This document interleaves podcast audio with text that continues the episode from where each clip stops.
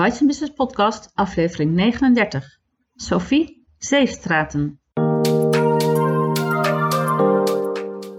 Welkom bij de Bites Business Podcast. Mijn naam is Marijke Krabbenbos. Ik ben de bedenker en oprichter van Bites Business, het netwerk voor ondernemende vrouwen. Met vestigingen in meer dan 25 steden en regio's in Nederland. Ga naar de website voor meer informatie. In deze podcast interview ik altijd een lid van Bites Business. Altijd een ondernemende vrouw. Ik interview haar over haar werk en over hoe ze in het leven staat.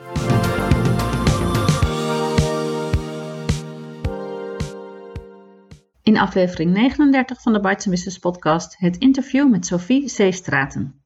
Sophie is PRI-therapeut en auteur van een boek en lid van Bites Business Den Haag. Ik zit hier met Sophie Zeestraten. Sophie is lid van Bites Business Den Haag en PRI-therapeut. Een term die ik, uh, mij niks zegt, dus dat gaan we uh, leren. Welkom Sophie. Dankjewel, hartstikke leuk. Wil je ons vertellen wat je precies doet qua werk? Ja, nou, je zei het al even, ik ben uh, PRI-therapeut en ik heb een eigen praktijk in Den Haag. Nou, PRI staat eigenlijk voor Past Reality Integration. En dat is een, een, een, methode of een theorie die is gebaseerd op de boeken van Ingeborg Bos. En daar werk ik mee. Nou, het komt er eigenlijk in de notendop op neer dat PRI gaat ervan uit dat je, dat je in je jeugd, dat wij allemaal als mensen in onze jeugd overlevingsstrategieën ontwikkelen. En dat die in die periode heel nuttig zijn, maar dat als we eenmaal volwassen zijn, dat we ze onbewust blijven inzetten. En dat kan dan leiden tot klachten. En uh, ja, deze methode is heel praktisch, heel concreet en uh, werkt echt met een hulpvraag op dieren nu. Ehm, ja, en zorgt ervoor dat je met bepaalde dingen waar je tegenaan loopt in je leven, nou ja, goed aan de slag kan met heel goed resultaat. Ja. En het gaat dus over dingen uit het verleden om in het heden dingen op te lossen. En is dat een sessie, een traject? Ja, nou, het is, het is niet zozeer dat je. Het is inderdaad een, een traject. Je hebt uh, meerdere sessies. Eén uh, keer in de uh, twee weken een, uur. Dat is een beetje de, reguliere. ja, hoe moet je dat zeggen? Zo, vaak is dat ongeveer. Maar het gaat niet om dat je alleen maar over je verleden praat. Juist helemaal niet eigenlijk. Je hebt gewoon in het hier en nu ergens last van. Stel je voor, je hebt steeds een conflict met je baas met je collega. Of uh, je hebt moeite in de opvoeding met je kinderen. Of uh, je, je belandt steeds in dezelfde ruzies met je partner. Nou, dat soort dingen, hè, dat zijn de dingen waar je in het hier nu last van hebt. En dan ga je met deze methode, kan je daar heel goed naar kijken. Maar uiteindelijk uh, ga je wel kijken van waar komt het vandaan. Dus in die zin heeft het verleden wel een, een, een, een, rol, maar niet alsof je de sessies lang gaat doorvroeten over het verleden. Nee. Nee.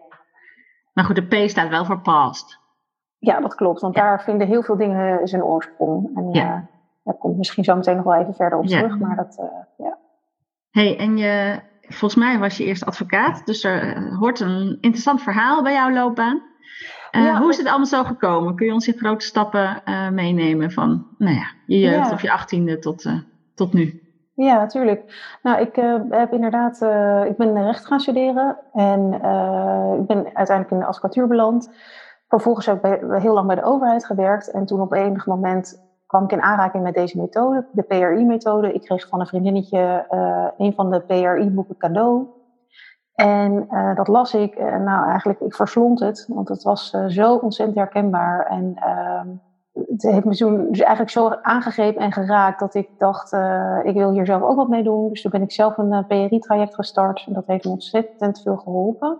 Was je gewoon happy met je baan? En, uh, op het moment uh, dat ik de overstap maakte, bedoel je naar. Ja, uh, dat dit op je pad kwam. Of was je al op zoek naar iets anders in je leven? Nee, eigenlijk was ik heel happy in mijn baan. Ik had een ja. echt ontzettend leuke baan bij de gemeente Den Haag. Ik was, ik was er eigenlijk heel gelukkig, maar ik. ik ik had zoiets van toen ik dit tegenkwam, dit boek, en dat ik, dat ik dus merkte dat het mijzelf zo ontzettend geholpen had, persoon, persoonlijk uh, vlak, dat ik dacht, ja jeetje, wat, uh, wat zou ik eigenlijk nog liever doen dan het werk wat ik nu doe? Dat is dat, het, dat ik mensen kan helpen, zeg maar, hetzelfde te ervaren als wat ik had ervaren in die, uh, ja, eigenlijk in die therapie. En dat heeft me, ja, gewoon ontzettend veel geholpen. En dus ook zelfs geïnspireerd om de opleiding tot PRI-therapeut te doen. Die duurt vier jaar, dus was wel echt even een een, een carrière switch, om het zo maar te zeggen. Maar ik heb echt geen seconde spijt gehad. En uh, ben nog steeds ontzettend blij dat ik, uh, dat ik de overstap heb gemaakt naar wat ik nu doe.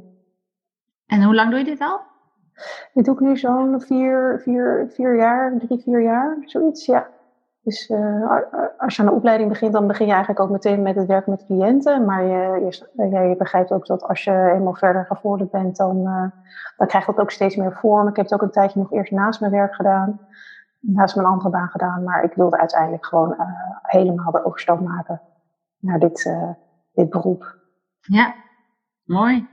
Ja. nou, je ziet eruit alsof je heel blij bent met wat je doet. En ja. waarom, waarom precies dit? Wat is het mooie van PRI? Ja, nou, het, is, het is een hele bijzondere methode, althans uh, voor mij. Het is een, een methode die zeg maar, eigenlijk uh, drie pijlers in zich heeft: uh, cognitie, gedrag en gevoel. En met name dat laatste element, dat, dat voegt echt veel toe, althans voor mij. en ik denk voor heel veel mensen overigens. Maar wat deze theorie en methode mij geleerd heeft, is dat heel veel dingen van, die ik meemaakte in mijn leven ehm, dat ik, ik begreep mezelf heel vaak niet. Ik had een, eigenlijk een perfect leven. Uh, ik had eigenlijk alles waar, of een perfect leven in die zin van als dat je ambitie is, maar ik had uh, gewoon alles waar ik altijd van had gedroomd. Ik had een fijn gezin, een mooi huis, een leuke baan, een, een fijne vriendenkring.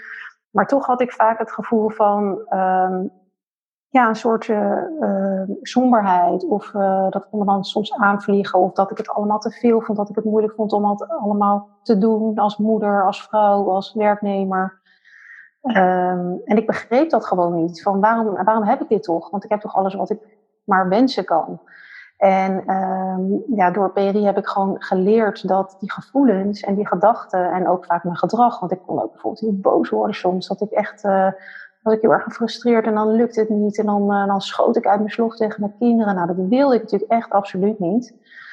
Uh, maar door PRI leerde ik dus wat dat eigenlijk is. Wat die, wat die gedachten of die gevoelens of dat gedrag, wat dat eigenlijk is. En dat, dat, zijn, dat zijn dus die overlevingsstrategieën die je in je jeugd hebt uh, aangeleerd. En die ik nog steeds als volwassene inzette. En ja, ik had daar gewoon zelf heel veel last van, maar mijn omgeving uh, uiteraard ook. Ik kan je voorstellen dat als iemand uh, heel erg gespannen is of het gevoel heeft alle ballen in de lucht te moeten houden en dat het dan niet lukt, dat het dan niet fijn is als je dan af en toe een sneer krijgt of dat er ehm, ja, boosheid komt. Of er was natuurlijk een manier om daar dan mee te dealen. Maar dat, ja, het besef dat die gedachten, gevoelens en dat gedrag eigenlijk een oorsprong vonden in mijn verleden en niks met het heden te maken hadden dat, uh, ja, dat, dat, dat gaf me echt zo'n gevoel van, uh, van, nou, van hoop en, en, en, perspectief. Dat ik dacht, jeetje, ik kan hier gewoon iets aan doen. Want, uh, anders.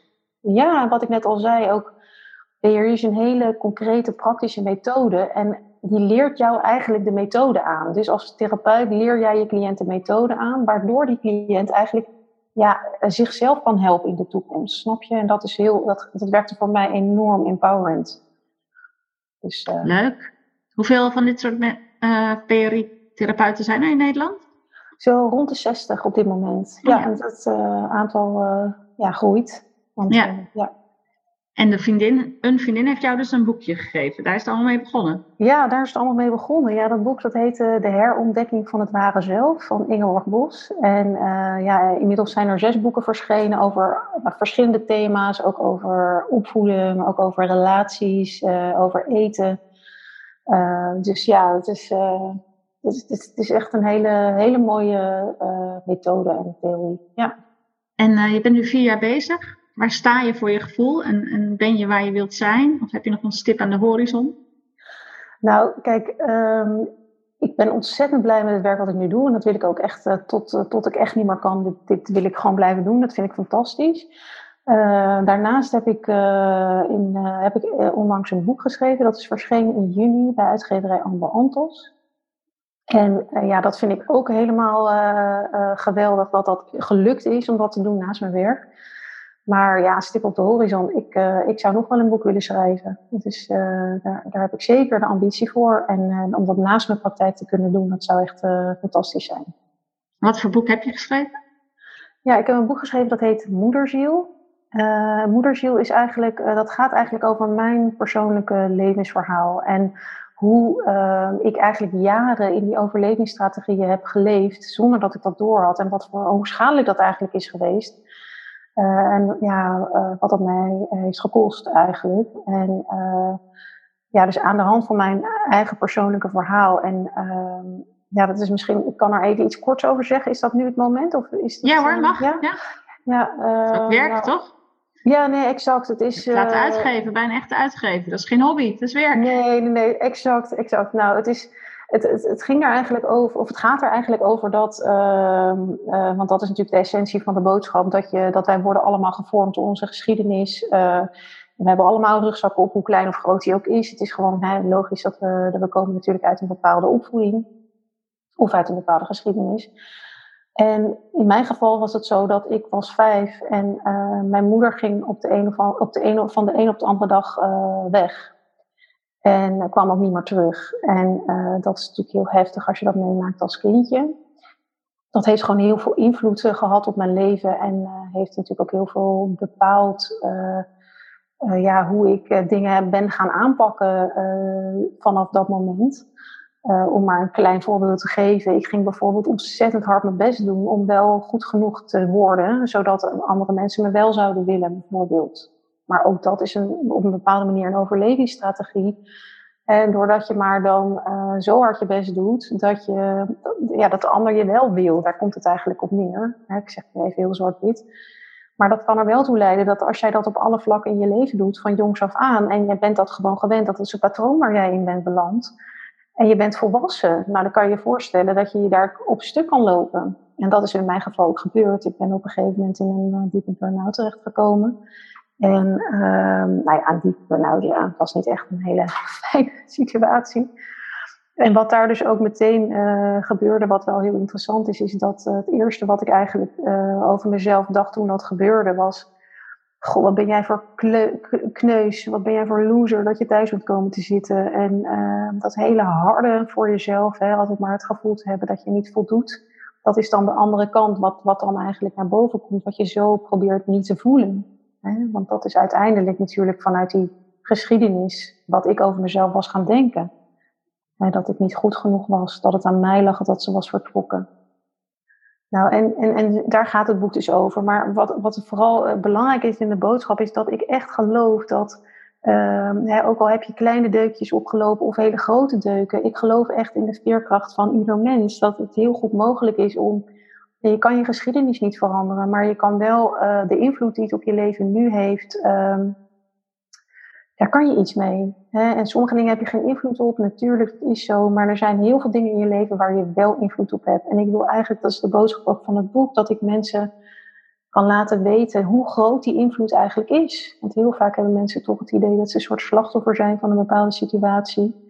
En uh, ja, dat het nou eenmaal zo is. Hè? Dat ze nou eenmaal een controlfreak zijn, of een angsthaas, of een boze driftkikker, of whatever. Terwijl ja, dat is echt uh, niet zo. Dus, uh, dat, dus ik denk dat jij mede door die PRI ontdekt te hebben, dit verhaal bent gaan opschrijven? Ja, ik denk dat het. Ik denk en dat mensen wil inspireren? Ja, inderdaad. Want ik denk dat als ik, als ik dat boek nooit had gekregen, dan was mijn boek er denk ik ook niet geweest. Hmm. Want ik heb, dat, ik heb daar natuurlijk best wel wat werk voor verricht, ook persoonlijk, om het zo op te kunnen schrijven. En ja, ja, ik hoop gewoon dat het mensen inderdaad inspireert omdat, en hoop geeft. Van jeetje joh, ik zit hier ja. mee. En ik denk altijd, het, het, is gewoon zoals het is. Maar misschien is er toch wat mogelijk voor mij. Het is geen zelfhulpboek. Het is echt jouw persoonlijk verhaal. Nee, het is, het is geen zelfhulpboek. Het is echt mijn persoonlijke verhaal. Maar ik denk wel dat als mensen het lezen, ze het gevoel hebben van jeetje, hey, misschien is er toch wat mogelijk. Dat is in ieder geval wat ik van heel veel lezers terugkrijg. Een soort van, uh, jeetje joh, door nu jouw boek las, denk ik van, ik ga hier niet blijven zitten. En dan krijg ik echt ook cliënten die al echt behoorlijk op leeftijd zijn, 70 of ouder, die dan denken, ja, zo wil ik gewoon niet uh, uh, ja, de wereld verlaten hè, met dit in mij. Hm. Deze gevoelens, als ik er misschien iets aan kan doen. En het vooral niet door te willen geven aan de volgende generatie. Ja. Hè, dat, dat, dat, ja. En je hebt dus ontdekt dat je schrijven leuk vindt. Want je zegt niet, mijn verhaal is nu op papier klaar. Je denkt, ik wil nog een boek schrijven. Ja, zeker. Ja, ik heb echt, uh, ja, ik vind het heel erg leuk. Het hele schrijfproces is iets uh, wat, ja, wat, wat ik dan weer ontzettend inspirerend vond. Ik heb er, ik, heb er zo verschrikkelijk veel van geleerd. Want ik had nooit een, een schrijfcursus of zo gedaan. Ik, ik ben eigenlijk gewoon uh, meteen met redacteuren in, aan, aan, de slag gegaan. En die hebben me gewoon verschrikkelijk geholpen met, ja, hoe, hoe werkt dat nou? Hoe schrijf je? Dus ik heb daar heel veel van geleerd. En ja, dat was eigenlijk een fantastisch proces. Maar ook een echte uitgever. Voor ja, een onbekende schrijver. Ja, daar heb ik denk ik ja, ik, ik zeg dan wel eens van daar heb ik heel veel geluk mee gehad. Maar ik denk toch ook dat het ermee te maken heeft dat het een mooi verhaal is. En dat ik kennelijk ook talent heb om te schrijven. Ja. En daar, dat vind ik ook echt heel leuk om te doen. Dus, uh, ja. Leuk hoor. Ik vind ja. dat heel knap als mensen een boek helemaal tot het einde brengen. En nou ja, een echte uitgever heeft altijd. Uh, is, nou ja, is je dan zelf uitgeven, wat natuurlijk makkelijker is. Dus ja, ja. petje af. Dankjewel, ja, leuk. Dus, oh ja, ik vroeg waar wil je zijn? Zei, nou ja, ik wil nog wel een boek schrijven. Ben je daar al mee bezig? Uh, in mijn hoofd wel, maar op dit moment ben ik vooral bezig nog met uh, de promotie van dit boek. Want uh, ja, als je debuteert, dan is het toch belangrijk dat daar veel aandacht naartoe gaat. Nou heb ik heel veel geluk gehad met, met de media waar ik in heb gestaan. Ik ik heb bijvoorbeeld in Jan Magazine gestaan, in de, de Vriendin gestaan, op evajinek.nl, wendyonline.nl. Uh, eh, nou ja, echt, eh, ik ben bij... Dat is ook geen geluk, daar heb je ook iets goeds voor gedaan. Ja, en bij Tijd voor Max heb ik aan tafel gezeten op 12 juni. Dat was echt wel heel voor, uh, ja, dat was gewoon ook echt wel gewoon fantastisch dat dat kon. En, uh, dus dat heeft heel erg geholpen natuurlijk. En inmiddels zijn ook de rechten verkocht aan Duitsland. Dus uh, ja, dus, uh, dat is echt allemaal wel super spannend. En uh, nou, ik hoop natuurlijk ergens dat dat nog meer landen gaat. ja, dat het nog in meer landen zal worden uitgegeven. Maar goed, dat is nog even afwachten hoe dat zich ontwikkelt. Is het ook nog verfilmbaar? Nou, ik heb wel, ik heb wel een van mijn dromen is Hollywood. Maar ja, goed. Hè?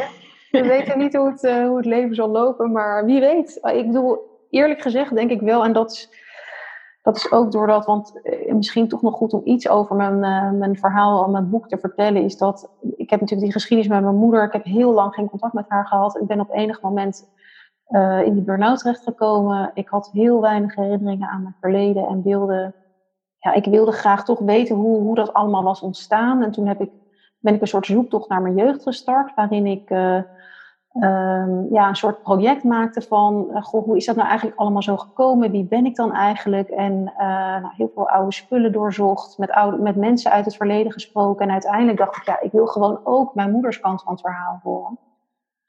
En toen heb ik haar, face-to-face durfde ik niet. Ik dacht, uh, dat, dat vond ik te confronterend. Maar toen heb ik haar een brief geschreven en de vraag gesteld: wil jij misschien jouw kant van het verhaal opschrijven? En toen hebben wij, dat was eigenlijk het begin van een briefwisseling van drie jaar. En uh, waarin we echt alles hebben gedeeld en heel veel hebben gesproken natuurlijk over het verleden, maar dan via het papier. En dat was uh, ontzettend fijn, want als je in real life met elkaar uh, bent, dan gaan de reacties vaak zo snel en je hebt geen tijd om na te denken. En om te reflecteren op wat je eigenlijk voelt. En uh, daar die overlevingsstrategie, die zijn natuurlijk ook in dat uh, opzicht dan heel snel met uh, hun reacties, om het zo maar te zeggen. Maar via papier was het fantastisch fijn eigenlijk. En ook moeilijk hoor, want het was natuurlijk met vallen en opstaan. En ik heb natuurlijk zoveel vragen. En ik, heb natuurlijk, had natuurlijk ook heel veel boosheid. Van hoe heb je dit kunnen doen? En hoe kan dit allemaal? En, en, uh, maar we hebben, ja, eigenlijk vanaf het begin heeft mijn moeder gezegd: ik, ik wil gewoon alles doen nu wat ik nog kan doen om jou hiermee te helpen. En ja, dat heeft ze ook gedaan. En toen, uh, na drie jaar, heb ik elkaar weer voor het eerst gezien. En uh, ja, is, ons contact is nu heel goed. Maar wat ik eigenlijk wilde zeggen is dat ik altijd had gedacht van, maar dit komt nooit meer goed. Dit komt gewoon nooit meer goed. En, en als iemand tegen mij had gezegd, ja, je komt weer in contact met je moeder, dan had ik ze gewoon keihard uitgelachen. Ik dacht echt, nee, dat is onmogelijk. En nu kan ik echt ook ten diepste zeggen, omdat ik dit zelf heb meegemaakt, dat je, je, je zegt nooit, nooit, je weet het niet. Hè? Alles kan veranderen. En ook al denken we nu dat het niet zo is, alles kan veranderen. En dat geldt ook voor jou als jij met dingen zit. Hè, dat je ja, ergens mee worstelt. Je, je kan daar iets aan doen. En dat is echt de, nou ja, de boodschap die ik gewoon. Uh, ja, Mooi motto. Ja, alles kan veranderen. Ja, ja exact. Dank. Hey, we gaan door naar, uh, naast je werk uh, ben je nog uh, heel veel anders natuurlijk. Dus uh, deel 2 van het interview over jij en je leven. Je zei al dat je moeder was. Ehm, ja, welke andere petten heb je allemaal op en hoe verdeel jij je tijd? Ja, nou, ik ben dus inderdaad, uh, ik heb een gezin, dus ik ben uh, moeder. Ik, ik, heb ook een partner, dus ik ben ook partner. Uh, nou ja, een vriendin natuurlijk, maar nou ja, ook, ik heb natuurlijk gewoon mijn werk ernaast. En ja, hoe verdeel je je tijd? Ehm, kijk, als, als eigen ondernemer heb je natuurlijk, je, kan je je tijd zelf indelen. Dus ik werk zeker ook wel eens in de avond en in het weekend. Maar dat betekent ook dat ik bijvoorbeeld wel eens een keer overdag naar de yoga kom. Weet je wel, dus dat, uh, dat vind ik gewoon hartstikke fijn. En, en, mijn kinderen zijn al wat groter, dus ik heb niet meer van die hele kleintjes uh, rondlopen thuis. Dus die gaan ook, uh, ja, kunnen dingen zelf. Gang. Precies, dus er komt steeds meer ruimte ook om, ja, om gewoon ook gewoon de dingen te kunnen doen qua werk. Die, ja. ja. En cliënten vinden het wellicht ook fijn om s'avonds terecht te kunnen. Uh, ja, ik moet zeggen dat ik uh, over het algemeen werk niet in de avonden. Dat, uh, maar soms maak ik daar een uitzondering voor als het echt niet anders kan. Maar in principe werk ik gewoon de ja, kantooruren, om het zo te zeggen. Okay. Ja. ja, dus ja. Oké. En hoe sta jij in het leven? Je hebt net al heel wat verteld, maar ja, eigenlijk heb ik, sta ik eigenlijk met een hele open leerhouding in het leven. Ik probeer eigenlijk altijd van zowel de negatieve, maar ook zeker van de positieve dingen zoveel mogelijk te leren. Van goh, wat, wat heb ik hier nou van geleerd? Wat kan ik hier nou mee? Ik, ik heb ook, ik weet niet of je dat herkent, maar ik heb soms wel eens iets dat ik iets heel graag wil en dan lukt het niet of dan loopt het anders. En dan denk ik achteraf, oh ja, nu snap ik waarom dat zo liep terwijl uh, op dat moment zelf vind je dat helemaal niet leuk. Want dan denk je, nou, ik kan me heel erg op verheugd. Of uh, ik had er heel veel zin in en dan loopt het net anders. Maar, maar ja, dan denk ik, oh ja, nee, nu snap ik het. Dus ik probeer echt heel erg zo naar dingen te kijken, eigenlijk.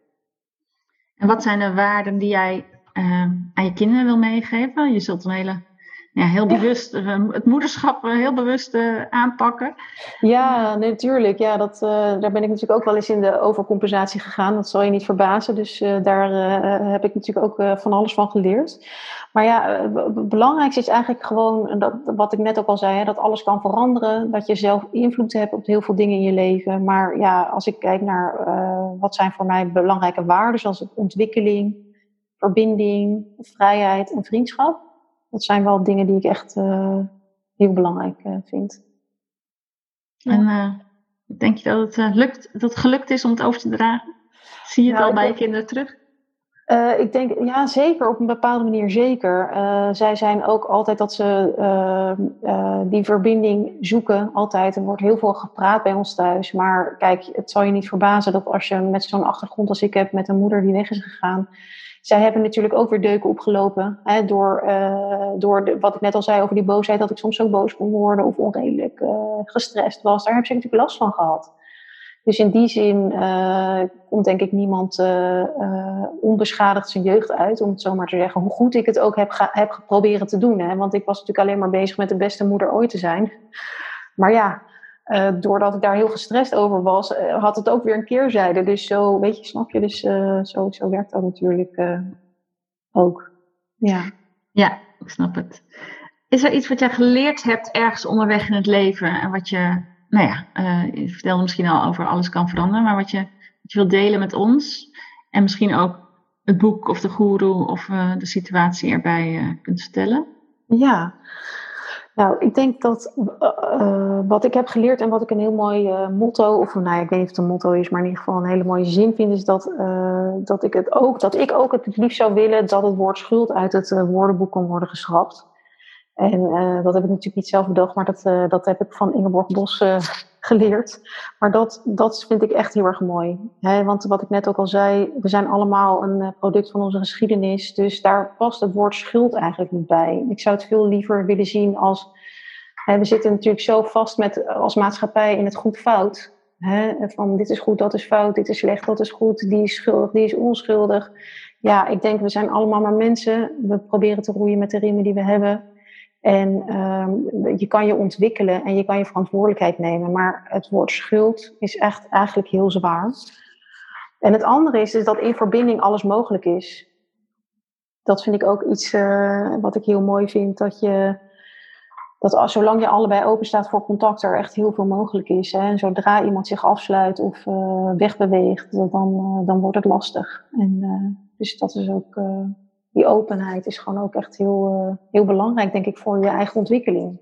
Ja. ja. En jij hebt brieven geschreven drie jaar lang in een tijd waarin niemand meer brieven schrijft. Dus, uh, Ja. zou je, vind je ook dat wij dat vaker zouden moeten doen? Het heeft enorme voordelen. Nou, ik, het, het heeft voor mij heel ehm, troostend gewerkt. Helend gewerkt. Helend vind ik altijd een beetje zo'n eh, zo'n beetje een eh, zweverige term, maar het komt er wel op neer dat het heeft voor mij, ja, eh, het was heel eh, fijn om het op die manier te, te kunnen doen. En, het is niet zo dat ik eh, met mijn boek of nu zelfs oproep om dan maar met iedereen te gaan schrijven, maar het kan wel ontzettend helpen omdat ja, de ander gewoon even de tijd krijgt om na te denken over wat hij daar nou op wil zeggen of niet. En soms is een eerste reactie niet altijd de beste reactie. En dan nog, hè, in mijn situatie met mijn moeder, nou heb ik soms ook wel eens eh, niet zulke aardige dingen geschreven waarvan ik achteraf dacht, oh jee. Maar eh, wel altijd eerlijk geweest en, eh, en geprobeerd het in ieder geval zo goed mogelijk te doen. En ik weet dat dat bij haar ook zo was. Dus als je dat allebei zo op die manier kan, dan is het heel fijn. Maar het is niet zo dat het moet of zo, snap je? Maar als je het prettig vindt en je hebt zoiets van, goh, ik zou dat of dat nog eens een keer met iemand, uh, uh, nou, misschien met ouders, of maar ook kan ook met vrienden zijn, van goh, uh, dat, hè, dat je het rustig op papier zet, zodat die ander daar ook even over na kan denken. En dan kan je daarna met elkaar in gesprek, via, de, via, de, via papier of via, nou ja, face-to-face. -face. Ja, en je zegt brieven, was het ook echt papier en handgeschreven? Of was het e-mail of getypt? Nee, het, was, uh, het waren echt, uh, echt brieven. Dus echt, uh, ik, ik, mijn moeder stuurde altijd haar brieven in een gele envelop, een mooie, een beetje okergele envelop. Dus dan kwam ik wel eens thuis en dan stak er zo'n puntje van zo'n envelop uit de brievenbus. En dan dacht ik, oh, er is weer een volgend hoofdstuk. Want het voelde bijna alsof ik haar voor het eerst leerde kennen, omdat ik haar natuurlijk zo lang in mijn leven had moeten missen. Dus het waren echt, echt brieven. En heel af en toe kwam er dan een mail tussendoor. Of ja. dat was een beetje in het later stadium. En op een gegeven moment gingen we ook wel een beetje appen met elkaar. Maar uh, pas drie jaar later, of na, ja, drie jaar uh, na het begin van onze briefwisseling, uh, hebben we elkaar weer voor het eerst gezien. Ja. Nou, interessant en een ongewoon verhaal. gelukkig natuurlijk in Nederland. Ja. maakt nieuwsgierig. Ja. Is, er iets, is er iets wat je eerder geleerd hebt, graag eerder had geleerd in het leven, waarvan je denkt, waarom kom ik daar nu pas achter?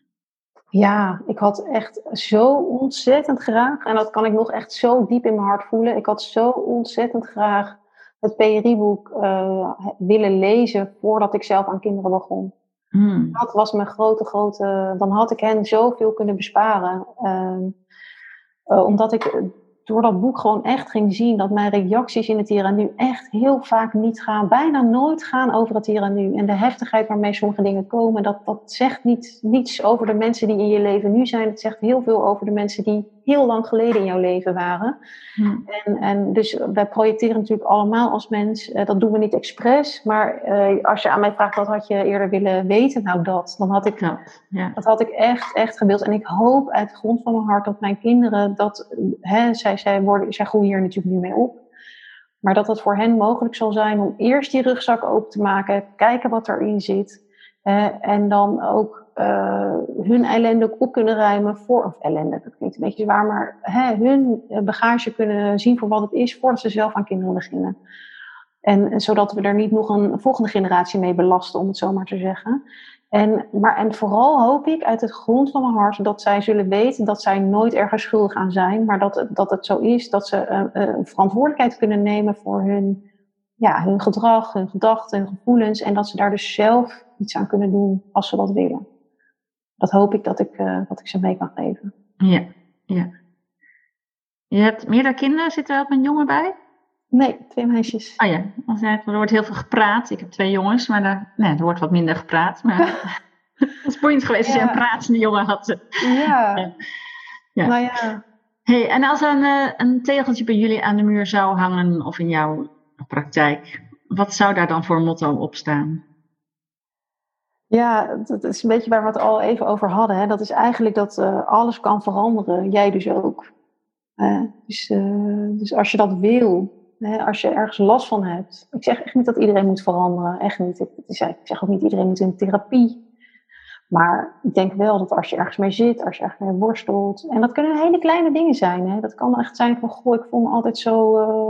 ik, ik vind het altijd zo moeilijk om in vergaderingen uh, me uit te spreken. Ik voel dat mijn hart in mijn keel schiet. En ik heb eigenlijk iets heel goeds in te brengen, maar ik durf het gewoon niet. Of uh, ik heb in mijn vriendinnengroep altijd dat ik het idee heb dat ze me toch niet echt willen. Dat ze me, ze, hè, ze nemen er maar, maar, er maar bij omdat ze, ja, als opvulling of zo. Maar eigenlijk voel ik me daar heel onprettig bij. Of, of, of niet passend of, of niet gewenst of whatever. Het, zijn, kunnen hele kleine dingetjes zijn. Of goh, ik uh, schiet elke keer zo uit mijn slof tegen mijn collega's. Hè, dan, dat wil ik helemaal niet. Maar dan, ja, of mijn partner of mijn kind. Nou ja, gewoon het hoeven helemaal niet hele grote dingen te zijn. En dat is misschien ook een misvatting die ik meteen uit de wereld kan helpen. Het gaat er niet om dat je allemaal zo'n heftige jeugd hebt gehad om, iets, om je in het hier en nu niet altijd fijn te voelen, snap je? Want dat is wat mensen heel vaak denken van nou, er moet wel een heel groot trauma zijn en dan uh, kan je, heb je recht om uh, depressief te zijn of uh, angstig of whatever. Maar dat is gewoon helemaal niet waar. Want als kind zijn we zo klein en zo behoeftig dan, dan het is eigenlijk onmogelijk om dan dat jouw ouders jou altijd kunnen geven wat je zo hard nodig hebt. En dat kan gewoon niet, want het leven gebeurt gewoon waar je bij staat. Je ouders worden ziek, je verliest je baan, je hebt financiële problemen, whatever. Dat betekent gewoon dat je niet altijd bij je kind kan zijn en ze kan geven wat ze nodig hebben. En daarom bouwen wij als mensen al die overlevingsstrategieën op. En dat is gewoon eh, hoe ons brein werkt. Niet alleen bij mij, maar ook bij jou en ook bij, eigenlijk bij iedereen. Dus nou niet eigenlijk, bij iedereen althans. Ja. Dat is in ieder geval waar PRI van uitgaat. Ja. Dus jij hebt een, een, een groot verhaal, een zwaar verhaal, maar je zegt ook echt als je iets kleins hebt um, en je wil er wat aan doen, dan kan dat. Ja, zelfs als je denkt, ja. maar hoe kan dit nou? Ik heb toch een fantastische jeugd gehad, mijn ouders zijn zo ontzettend lief. En, en hoe kan het nou dat ik me dan zo voel? En, en dat is echt ook een, iets wat ik, als het nog even mag, dat uit de wereld zou willen helpen. Want het, het gaat niet om de schuld geven aan onze ouders dat zij niet goed hebben gedaan. Want de meeste, bijna alle ouders, die doen hun stinkende best om het zo goed mogelijk te doen. Dus ook hier weer, schuld mag alsjeblieft de prullenbak in. Maar als je ergens last van hebt in jouw leven, waar mhm. jij continu tegenaan loopt, neem dan voor je eigen leven die verantwoordelijkheid en ga onderzoeken wat het is. Ja, helder. Zonder eh, je, wie dan ook daar de schuld van te geven. Het gaat daar helemaal niet om. Ik schat in dat heel wat mensen naar je website gaan, Sophie. En dat je boek uh, ook gekocht gaat worden. We gaan afronden. Ja. Netwerken. Uh, doe je dat al lang? Wat is dat voor jou? Ja, netwerken. Nou, het is eigenlijk, ik, noem het, ik vind het gewoon heel leuk om uh, nieuwe interessante mensen te leren kennen. Dus uh, dat, dat is eigenlijk het belangrijkste. En om die reden ben ik natuurlijk nu ook lid geworden van Bites Business. Hartstikke leuk. Ik ben heel benieuwd. En, ja, waar kunnen mensen meer informatie over jou vinden? Nou, op mijn eh, website www.sophiezeestraten.nl uh, is alles te vinden over de therapie die ik geef ehm, eh, en over mijn boek natuurlijk ook. Je kan ook wat inspiratie daarop vinden. Ehm, ja, daar is eigenlijk alles te vinden. Dus, en men, andere ook, social media kanalen? Ja, oh goed dat je het zegt. Dat was ik alweer bijna vergeten. Ik, heb, ik zit op Instagram Sophie underscore Zeestraten. En ook met mijn boek. Misschien is het leuk om dat nog even als laatste te vertellen. Het heet moederziel underscore het boek. Uh, daar heb ik um, iets van 250 oude filmpjes en foto's uh, op staan. Die allemaal komen uit het boek. Dus uh, als je mijn boek leest en je vindt het leuk om ook daar wat foto- en filmmateriaal bij te zien over, nou ja, hoe ik er als kindje uitzag. Mm. Het is eigenlijk een beetje het verhaal, moederziel. Het fotoalbum. Exact. Dus dan kan je eigenlijk in het boek lezen en dan het op, daar zien waar ik het dan over heb. Dus, uh, nou ja, goed. Dat is uh, 250. Ja, oude filmpjes en oude foto's, ja. Papa en maakte graag. Uh, ja, dat is ook van, ook van voor die tijd nog hoor. Ook van toen mijn moeder er zelfs nog was. En, uh, ja, en natuurlijk ook gewoon LinkedIn, Facebook, de, de reguliere kanalen. Ja. Nou, Sophie, dankjewel. Ja, nou jij ook heel erg dankjewel. En leuk dat je me wilde interviewen hiervoor. Dit was aflevering 39 van de Bites Business podcast. Op de site vind je, vind je de aantekeningen bij dit interview en alle andere afleveringen.